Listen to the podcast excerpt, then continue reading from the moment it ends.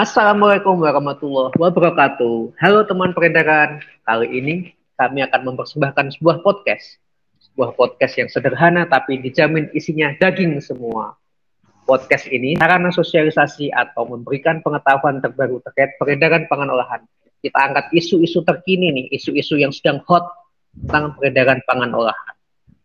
Pada kesempatan kali ini, kita akan berbincang-bincang mengenai program baru Ditwas peredaran pangan olahan yaitu sistem manajemen keamanan pangan olahan atau disingkat SMKPO. SMKPO ya, jangan sampai salah menyingkat ya. Uh, pertama mungkin uh, kita ucapkan ya selamat kepada Badan POM khususnya Direktorat Pengawasan Peredaran Pangan Olahan yang berada di Deputi Bidang Pengawasan Pangan Olahan yang telah berhasil nih akhirnya rilis ya menerbitkan peraturan Badan POM nomor 21 tahun 2021 ya. 21 21 ya, ingat ya.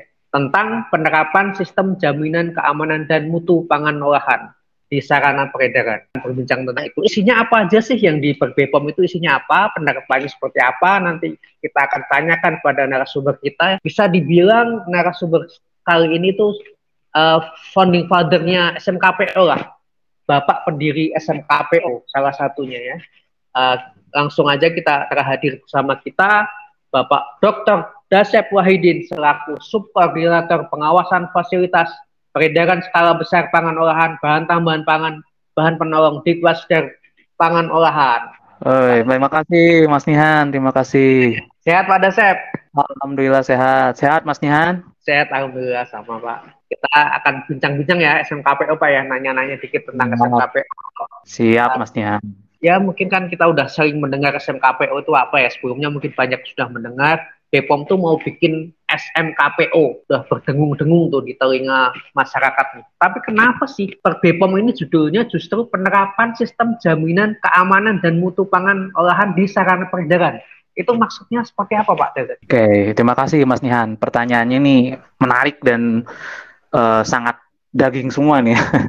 Baik, uh, pertama kita harus lihat dulu ya uh, latar belakang lahirnya ya dari peraturan Badan POM ini ya bahwa kita harus melihat ada amanah ya amanah yang diberikan ya kepada Badan Pengawas Obat dan Makanan ya e, dalam Undang-Undang Pangan ya yaitu nomor 18 tahun 2012 pasal 86 Mas Nihan dan juga PP 86 tahun 2019 ya tentang keamanan pangan. Di sana disebutkan bahwa semua pelaku usaha baik di produksi baik di peredaran ya itu wajib menerapkan standar keamanan pangan ya. Standar keamanan pangan ini lebih lanjut dijelaskan bahwa harus dilakukan dengan menerapkan suatu sistem jaminan keamanan pangan dan mutu pangan. Ya, itu ya.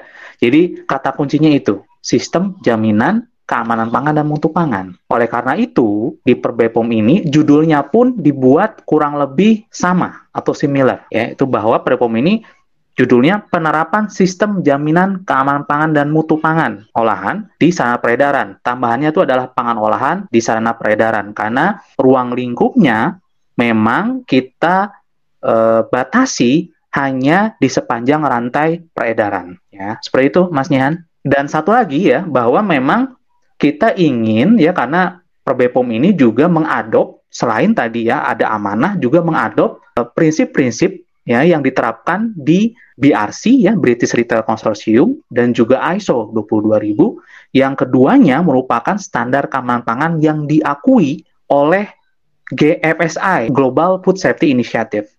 Ya, di sana disebutkan bahwa yang namanya bagaimana memanage suatu keamanan pangan dan mutu pangan itu disebut dengan istilahnya FSMS, Food Safety Management System ya kalau di e, bahasa Indonesia kan adalah sistem manajemen keamanan pangan. Nah, oleh karena itu, yang tadi saya sebutkan ya, sistem jaminan keamanan dan mutu pangan itu di peredaran kami istilahkan sebagai sistem manajemen keamanan pangan olahan atau disingkat SMKPO. Begitu, Mas Nihan. Oh begitu Pak Dasar. Berarti bisa disimpulkan ya bahwa kenapa namanya itu tuh karena turunan dari PP 86 ya. PP 86 ini dan uh, sistem ini tuh membatasi pangan olahan di sarana peredaran ya. Karena pangan olahan itu badan POM dan kita membatasinya di sarana peredaran saja. Betul. Lebih gampang ya SMKPO. Sebenarnya tuh uh, eh, SMKPO itu apa sih yang dan bedanya sama yang sebelum-sebelumnya itu apa gitu ya Pak Dasep ya? Baik, jadi yang yang sebelum-sebelumnya kita kenal dengan istilah e, cara retail pangan yang baik. Ada satu lagi adalah cara retail pangan yang baik di pasar tradisional. Kalau misalnya kita tarik yang lebih umum ya e, skopnya yaitu adalah GDP ya, Good Distribution Practices atau cara distribusi pangan yang baik. Nah, Bedanya dengan yang SMKPO adalah bahwa di SMKPO ini kita masih menggunakan uh, pondasi yang sama, yaitu yang tadi saya sebutkan ya, Good Distribution Practices atau GDP, tetapi itu kita level up ya kita kita kita buat naik kelas yaitu dengan mengintegrasikan dengan prinsip pengawasan berbasis risiko dan yang kedua adalah pengawasan yang dilakukan secara mandiri oleh pelaku usaha. Jadi ada ada dua hal yang perlu diperhatikan. Yang satu ya adalah GDP-nya ya yang dalam peraturan baru ini dikenal dengan cara peredaran pangan olahan yang baik atau CAPR POB ya. Dan satu lagi adalah pengawasan secara mandiri yang di dalam peraturan ini dikenal dengan sistem audit internal. Begitu. Jadi kalau misalnya kita kita review balik definisinya ya, SMKP ini adalah sistem yang disusun dan dikembangkan ya untuk menjamin keamanan dan mutu pangan olahan melalui pengawasan berbasis risiko secara mandiri di sepanjang rantai peredaran pangan olahan. Nah, kata kunci peredaran ini cakupannya meliputi semua kegiatan ya berupa penerimaan, penyimpanan, pemajangan, distribusi, pengangkutan dan atau penyaluran pangan olahan. Nah, kurang lebih begitu, Mas Nihan. Oh, sangat panjang tapi daging semua isinya. Berarti bahwa SMKPO ini lebih ke bagian melakukan pengawasan mungkin secara awam menangkapnya seperti itu Pak Dasep ya untuk dilaporkan ke Badan hmm. POM nantinya kan. Betul. Okay.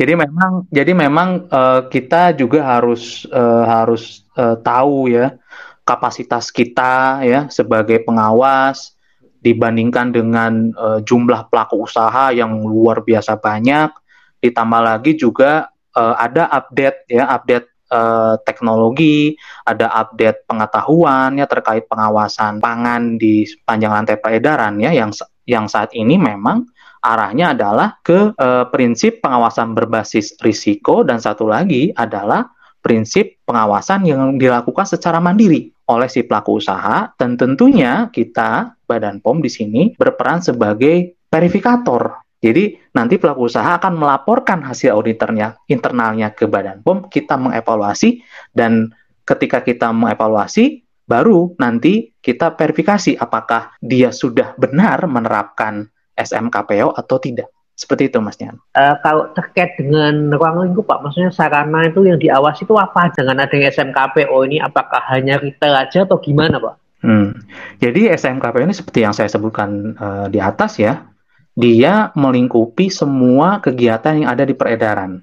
Sehingga nanti ruang lingkupnya itu terdiri dari sarana retail pangan ya. Retail pangan ini ada dua jenis, ada retail pangan modern, ada retail pangan tradisional ya retail pangan modern misalnya seperti minimarket, ya, supermarket, hipermarket. Sedangkan sarana retail tradisional itu seperti toko, kios, los, pasar tradisional itu masuk ya ke dalam lingkup uh, peraturan ini dan juga peraturan ini juga berlaku untuk importir, distributor, agen, grosir dan pengolah pasar. Jadi bisa dikatakan ini adalah per BPOM yang ruang lingkupnya sudah mencakup hampir semua ya pelaku usaha yang ada di uh, rantai peredaran Mas Nihan. Mantap sekali berarti semua yang berhubungan dengan pengolahan yang disalurkan diedarkan itu akan coba menerapkan SMK. Iya okay. betul Mas Nihan. Untuk uh, apa namanya uh, SMKPO ya banyak yang nanya mungkin ya. Apakah wajib apa enggak sih? Dan ketentuan sertifikasinya itu seperti apa gitu pada hmm. Jadi memang di Perbepom ini ada dua jalur Mas Nihan. Jadi ada jalur dia penerapan tanpa sertifikasi dan yang kedua adalah penerapan dengan sertifikasi. Jadi ada dua jalur. Penerapan tanpa sertifikasi itu seperti yang sudah dilakukan sebelum berlakunya peraturan ini. Jadi lewat audit rutin ya yang dilakukan oleh, Badan POM Pusat ataupun uh, kantor-kantor kami ya UPT-UPT yang ada di daerah-daerah di seluruh Indonesia. Ya, jadi uh, audit rutin lah ya yang dilakukan uh, dan merujuk kepada pedoman cara peredaran pangan olahan yang baik. Jadi ini jalur yang tanpa sertifikasi dan itu sifatnya wajib ya. Ini sesuai dengan amanah yang tadi saya sebutkan di awal ya yang ada di dalam Undang-Undang Pangan ataupun di PP 86 tahun 2019. Nah, untuk sertifikasinya sendiri ya uh, itu sifatnya voluntary atau opsional. Jadi bagi pelaku usaha yang dia ingin ya ingin mempunyai bukti bahwa dia sudah menerapkan cara peredaran pangan olah yang baik ya, dan juga sudah menerapkan sistem audit internal, maka dia bisa mengajukan untuk sertifikat ya untuk uh, membuat dibuatkan sertifikat. Nah, kecuali ya sertifikasi ini bersifat wajib ya untuk importir yang baru pertama kali melakukan pendaftaran pangan olahan di Badan POM. Yang ini sebenarnya merupakan salah satu bagian atau prasyarat ya pendaftaran pangan olahan untuk mendapatkan izin edar dari Badan POM, Mas Nihan. Seperti itu kurang lebih ya. Oke, berarti apa namanya ada uh, penerapannya wajib ya, semua harus menerapkan ya kan. Betul. Sertifikasinya lebih ke voluntary gitu kan. Betul. Kecuali untuk importir tadi ya Pak Dasep ya? Iya, kecuali untuk importir yang baru ya, yang baru pertama kali daftar. SMKPO yang importir tadi sebagai pengganti PSB ya Pak ya? Iya, betul. Jadi uh, yang perlu diperhatikan di sini bahwa dulu ya yang namanya PSB atau pemeriksaan sarana baru memang menjadi prasyarat untuk pelaku usaha yang akan mendaftarkan produk ke Badan POM. Tanpa itu mereka tidak bisa mendaftarkan uh, produk mereka ya Badan POM untuk mendapatkan nomor izin edar. Nah, dulu e, mekanismenya adalah pelaku usaha mengajukan ya untuk dilakukan pemeriksaan atau PSB. Nanti dari UPT atau dari pusat itu akan melakukan verifikasi onsite ya untuk mengetahui apakah si pelaku usaha ini sudah menerapkan e, cara dan sudah sesuai maka akan dikeluarkan rekomendasi penerbitan ya e, rekomendasi untuk di e, apa namanya dikeluarkan nomor izin edarnya untuk untuk untuk di, digunakan untuk pendaftaran ya. Nah, kalau sekarang mekanismenya lain. Jadi, kalau sekarang pelaku usaha daftar dulu ya, dapat akun ya, nanti di di di aplikasi SMKPO ya, submit semua persyaratan, keluar sertifikatnya langsung. Dan itu bisa langsung dipakai untuk pendaftaran ya. Dan verifikasi onsite-nya itu akan dilakukan paling lambat setelah enam bulan ya. Maksudnya enam bulan uh, setelah terbit sertifikat. Seperti itu, Mas Nian. Oke, berarti dapat sertifikat dulu ya, dapat sertifikat dengan ngaput sistem, baru nanti kita audit belakangan seperti itu kan. Hmm, betul. Nah itu ya bedanya, beda yang paling signifikan. Oke.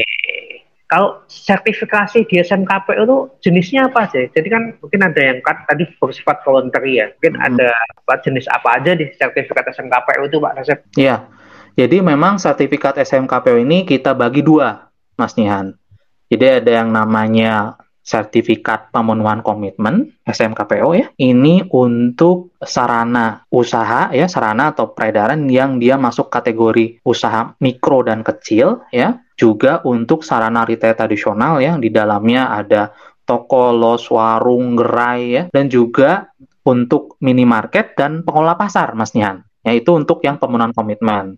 Nah, yang kedua, jenis yang kedua, sertifikatnya adalah sertifikat pemenuhan standar SMKPO. Nah, ini uh, ditujukan untuk sarana retail modern ya yang tadi saya sebutkan misalnya supermarket dan hypermarket dan satu lagi adalah untuk importir, distributor, agen dan grosir. Nah, itu yang standar Mas Nian. Jadi ada dua ya, Mas Nian. Oke, oke. Berarti dua ini ada sertifikat pemenuhan komitmen sama sertifikat pemenuhan standar ya. Ya, betul.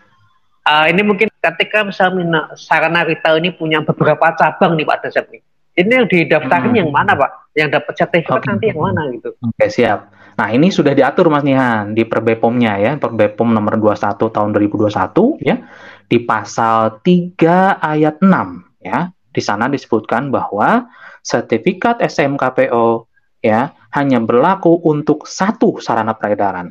Artinya ketika misalnya ada satu retail misalnya ya, dia punya 10 cabang, sertifikatnya berlaku untuk per cabang. Jadi tidak tidak tidak satu untuk semua, tetapi dia berlaku untuk per cabang. Begitu, Mas Nihan. Oke, oke, oke, oke. Paham. Uh, ini bisa apa? Mau sertifikasi itu lewat apa, Pak? Apakah bisa lewat manual atau lewat apa gitu ya lewat sistem atau seperti apa apakah sudah disiapkan gitu? ya betul Mas Nihan jadi di dunia yang sudah uh, di era digital ini ya. Jadi sudah tidak ada lagi uh, apa namanya uh, uh, submit dokumen manual gitu ya. Kalau sekarang kita sudah serba digital Mas Nihan jadi kita sudah buat ya sudah kita kembangkan uh, website ya i-sertifikasi pom.go.id. Jadi di sana pelaku usaha bisa uh, mendaftarkan akun ya, terus submit persyaratan sampai dengan penerbitan sertifikatnya pun juga melalui aplikasi itu. Ya Mas oh, Nian. Mantap berarti orang dari rumah bisa langsung daftar daftar sertifikat gitu ya. Ya, bisa di mana aja. Bisa diakses di mana aja. Oke, jangan lupa e strip sertifikasi.pom.go.id. Yes. Untuk mendaftar SMKPO ini. Oke. Uh, mungkin ini uh, pertanyaan banyak pihak ya. Maksudnya sebelum apa nanti sistemnya itu rilis itu kan se secara singkat aja Pak Dasar. Sertifikasi SMKPO itu gimana tak? Oke, okay, oke okay, Mas Nihan. Jadi tahapannya itu sederhana sebenarnya ya. Jadi untuk sertifikat SMKPO ini ya pelaku usaha dapat mulai dengan melakukan pendaftaran akun dulu, Mas Nihan, pada website e-sertifikasi, ya, dengan cara menginput NIB dan data perusahaan. Maksimal dalam waktu satu hari kerja, jika sudah ya sesuai, pelaku usaha mendapatkan username dan password, ya, melalui email yang didaftarkan. Ya, setelah mendapatkan akun, ya, tadi yang uh, username dan password, pelaku usaha bisa langsung login, ya, terus mengupload surat pernyataan pemenuhan komitmen ya ini untuk yang sertifikasi SMKPO dan untuk yang pemenuhan standar ya dia uh, diwajibkan untuk mengupload yang pertama adalah surat pernyataan pemenuhan standar SMKPO terus berikutnya adalah sistem audit internal yang terkait penerapan SMKPO terus layout sarana dan yang terakhir adalah dokumen keamanan pangan dan mutu pangan sesuai pedoman CPR POB Mas Nihan.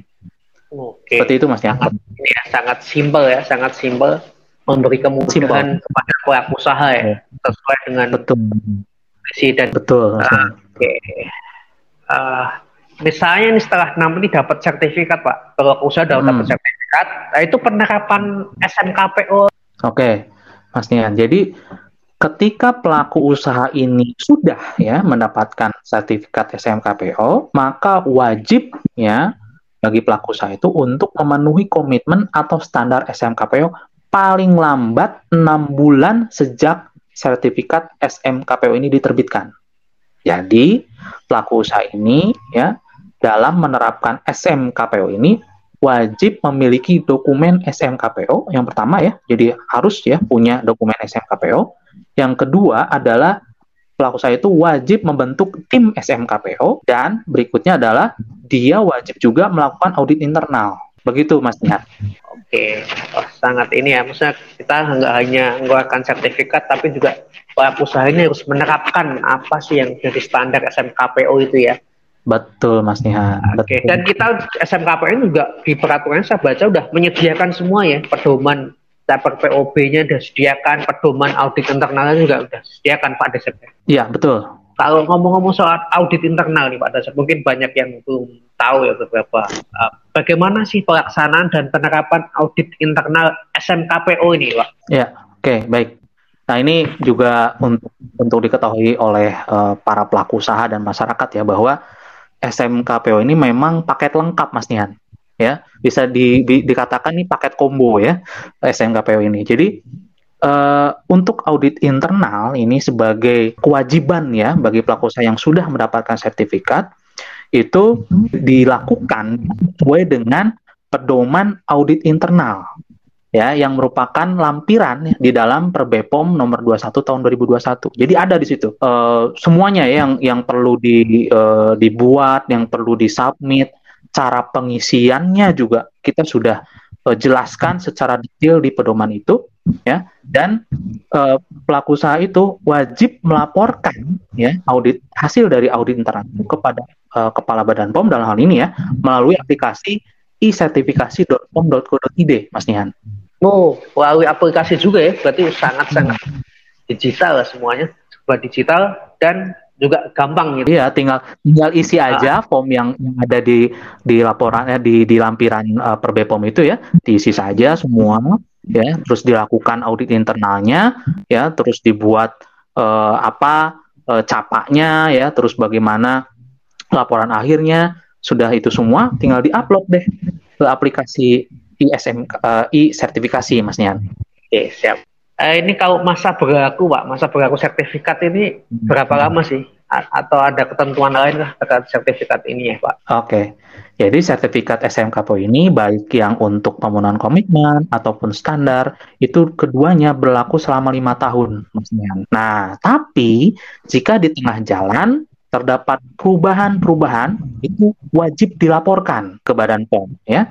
Jadi kalau misalnya pelaku usaha ini tidak melaporkannya ketika ada perubahan, maka sertifikat ini dapat dicabut atau dibekukan. Itu salah satu pelanggaran. Kalau misalnya misalnya eh, terjadi perubahan alamiah tetapi tidak dilaporkan ke Badan POM, maka ini termasuk ke dalam pelanggaran ketentuan dan sanksinya dibekukan sertifikat.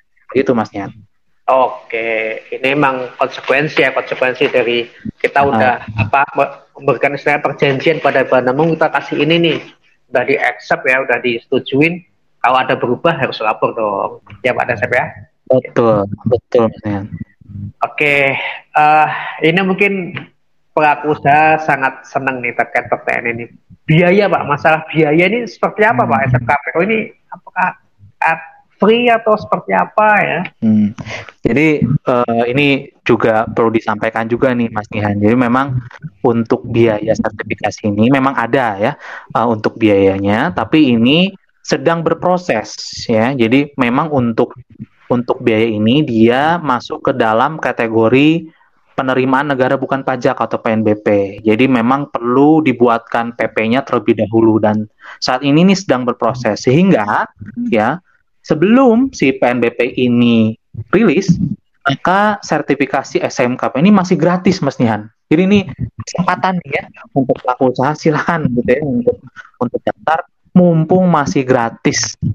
Oke, mantap masih gratis ya. Nanti ketika PP PNBP-nya rilis baru nanti ada ketentuan pembayarannya seperti itu Pak ya. Iya betul. Dan ya. tentunya jangan khawatir, berarti kan apa uh, semua ini kan akuntabel ya Pak ada CPS ya, masuk kas negara Mas Ihan, pasti masuk kas negara. Uh, ini apa namanya? Ketika nanti kalau aku usaha dapat sertifikat SMKPO ini dapat apa aja? Oke, okay. jadi memang ada beberapa benefit ya yang uh, di akan diperoleh oleh pelaku usaha ya ketika dia me, uh, memperoleh sertifikat SMKPO. Jadi yang pertama adalah bahwa sarana peredaran yang telah tersertifikasi SMKPO ini akan dikeluarkan dari prioritas ya, prioritas pemeriksaan UPT yang ada di Badan POM. Jadi jadi akan akan dikeluarkan dari list itu. Kenapa? Karena dia sudah punya uh, sistem audit internal, dia sudah melakukan pengawasan secara mandiri, Mas Nihan. Ya, sehingga itu uh, kami kami sampaikan bahwa uh, tidak lagi menjadi prioritas dilakukan audit rutin oleh UPT. Yang berikutnya adalah bahwa pelaku usaha itu dapat menggunakan logo SMKPO ya untuk kegiatan pemasaran pengamanan di media apa pun, mau di websitenya, mau di spanduk, mau ditempel di sarana, silakan ya. Selama logo itu tidak ditempelkan kepada produk ya. Karena ini SMKPO ini adalah sistem ya terhadap sistem bukan terhadap sertifikasi produk ya bukan. Jadi silakan ya tidak usah dapat menggunakan logo itu. Terus yang berikutnya adalah bahwa dengan adanya sertifikasi ini ya, dampaknya masyarakat itu akan lebih percaya. Memang sudah benar ya bahwa sudah benar menerapkan sistem manajemen keamanan olahan. Sehingga pangan yang dijual, yang diedarkan, itu sudah terjamin, Mas Nihan, keamanan dan itu. Begitu, Mas Nihan. Oke, berarti kalau kita ngeliat nih di uh, minimarket ada SMKP, wah, berarti udah terjamin dong keamanan pangan dan mutu pangannya. Betul. Itu, gitu kan, memberikan trust. Mas, betul. Betul, Mas Nihan. Oke, ini kalau terkait sertifikasi kayaknya udah cukup jelas ya. Uh, mungkin ini terkait hmm. pengawasan, Pak. Pengawasan dari Badan POM tuh terkait penerapannya. Oke, jadi memang di Badan POM ini pengawasan ini sudah dilakukan berdasarkan profil risiko sarana, Mas Nihan. Jadi kita memang punya uh, apa namanya profil sarana yang disusun berdasarkan misalnya yang pertama adalah track record ya track record dari si pelaku usaha itu. Ketika dia track recordnya baik, maka dia secara otomatis akan dikeluarkan dari prioritas pemeriksaan, Mas Nihan. Itu ya. Terus berikutnya adalah, jadi berdasarkan profil risiko ini, ya, Badan POM juga dapat melakukan, nah ini ini untuk yang sertifikat bedanya ya, ini balik lagi sertifikat Mas Nihan. Jadi kalau misalnya dia penerapan, mekanisme pengawasan yang dilakukan oleh UPT adalah melalui audit rutin. Ya, audit rutin yang bisa setahun sekali, bisa setahun dua kali, tergantung profil risiko dari sarana itu yang tadi saya sebutkan ya. Nah, untuk yang sertifikasi nanti judulnya adalah audit surveillance Mas Nihan. Jadi memang audit internal tadi yang, yang wajib dilaporkan itu memang dilakukan per enam bulan Mas Nihan.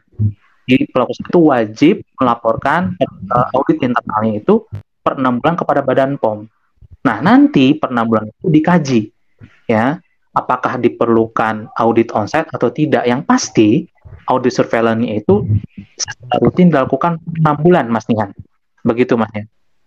Berarti apa namanya ada tetap ada audit rutin ya untuk penerapan ini ya penerapan SMKPO ini ya. Terus ya, seperti biasa. Karena ya sesuai Oke, ya, ini mungkin terkait dengan lampiran ya. Di sini kan lampiran tadi mungkin sudah dibahas di depan tadi mungkin lebih diperdalam Pak terkait dengan hmm. pedoman cara peredaran pangan olahan yang baik. Ini hmm. tahap POB ini kan istilah baru ya Pak ya. Ini betul. nanti apakah mengganti yang sebelumnya atau bagaimana Pak? Nah betul masnya. Ini di ketentuan penutup ya kalau misalnya kita baca bersama ya, memang di sana diatur bahwa peraturan Badan POM SPKPO ini ya, ini mencabut ya per BPOM uh, yang terkait pedoman cara retail pangan yang baik ya. Dan satu lagi adalah cara retail pangan yang baik di pasar tradisional. Itu otomatis dicabut Mas dengan berlakunya per BPOM SMKPO ini. Ya, di dalam per BPOM ini itu terdapat pedoman CEPR POB. Nah, inilah yang nanti akan menggantikan ya pedoman yang dua tadi sebutkan ya, sebelumnya ya. Dan ini juga menjadi acuan bagi pelaku usaha ataupun pengawas pangan ya dari Badan POM. Satu. Terus berikutnya adalah yang menjadi perbedaan adalah bahwa tool pemeriksaan yang selama ini digunakan ya ya sebelum perbepom SMKP ini adalah B. Jadi saya yakin nih pelaku usaha peredaran sudah tahulah ya tentang POMBE ini ya. Nah, masalahnya POMBE ini masih mengacu pada Permenkes nomor 329 tahun 76 Mas Nihan. Ini Jauh, ya. sudah sudah udah sangat sangat tua ya, sangat sangat. Nah, di pedoman CPRPOB ini ya, kita sudah buat juga ya tools pemeriksaan yang disesuaikan dengan klausul-klausul yang ada di dalam pedoman CPPW, Mas. Dan inilah terus yang menggantikan POM B, Masnya. Seperti itu, Masnya. Uh, ini mungkin sebelum saya tutup, Pak, ada pertanyaan terakhir, Pak, uh, terkait dengan waktu, Pak. Uh, maksudnya berapa hmm. lama sih bagi misalnya pelaku usaha ini sudah menerap untuk menyesuaikan hmm. dengan SMKPO ini butuh waktu berapa lama ya? Hmm. Jadi uh, diatur juga di perbepomnya ya bahwa pelaku usaha yang telah menerapkan ya cara peredaran pangan yang baik ya atau importir yang telah memiliki hasil pemeriksaan dari Badan POM ya terhadap pemenuhan persyaratan cara distribusi pangan yang baik ya sebelum berlakunya peraturan badan ini itu wajib menyesuaikan ya paling lambat Mas ya 24 bulan terhitung sejak ya peraturan badan diundangkan. Jadi dua tahun masnya di, diberi tahun. waktu dua tahun menyesuaikan seperti itu. Berarti dua tahun harus menyesuaikan ya penerapannya harus sesuai dengan SMKPO ini ya pakai POM SMKPO ya. ini. Hmm, Oke, ini tadi udah diskusi yang cukup menarik paparan dari Pak Dasep ini cukup istilah daging semua istilahnya ya. Gak ada yang nggak daging lah, semua bisa dimakan dan semua bergizi gitu. Uh, ini merupakan SMKPN merupakan suatu komitmen ya, komitmen dari Badan POM bahwa apa kita harus memberikan suatu apa ya jaminan keamanan pangan tentu ya bagi masyarakat ya dari para usaha melakukan peredaran pangan itu sesuai dengan pedoman-pedoman yang telah kita susun semua kita kita kasih ya Pak Edasep ya. Oh, betul. Dari peraturannya, dari pedoman penerapannya seperti apa ini udah contoh-contohnya dan nanti juga bakal dikasih ini sangat-sangat komplit. Ya. Mungkin sebagai penutup uh, sedikit mungkin ya iya. bahwa uh, harapan kami dengan adanya Perbepom SMKPO ini ya uh, terbentuk uh, istilahnya adalah food safety behavior. Yeah. Apa itu food safety behavior? Itu ada kesadaran baik dari pelaku usaha ya, dari konsumen bahwa pangan itu memang harus terjamin keamanan dan mutunya. Karena kalau tidak, itu akan berdampak langsung ya ke kesehatan konsumen. Nah, ini juga yang harus di, dicamkan nih oleh pelaku usaha ya, bahwa mereka punya tanggung jawab untuk memanage itu. Dan uh, satu lagi mungkin yang perlu ditekankan di sini adalah mau fasilitasnya bagus ya, mau SDM-nya keren, tanpa komitmen dari manajemen atau pemilik atau hmm. penanggung jawab dari si sarana peredaran itu itu akan menjadi sia-sia Mas Nihan. Yeah. Jadi yang paling penting yang perlu dikedepan adalah komitmen, komitmen untuk menjamin keamanan dan mutu pangan itu dulu Mas Nihan yeah. yang yang perlu di, dikedepankan. Uh, mungkin uh, seperti itu Mas Nihan untuk nah. teknis dan lain-lainnya podcast berikutnya kita coba jelaskan lagi Mas Ian ya. Iya, oke oke oke. Gitu ya. Apa keamanan pangan ini memang tanggung jawab bersama ya. Semua harus bertanggung jawab hmm. Oke. Okay. Betul. Kalau enggak sangat-sangat ini bergizi sekali makanan kita pagi ini ya. Oke, okay, uh, eh, sampai uh, teman-teman peredaran, sampai jumpa di podcast selanjutnya. Kita akan membahas isu-isu hot lagi ya. Wassalamualaikum warahmatullahi wabarakatuh.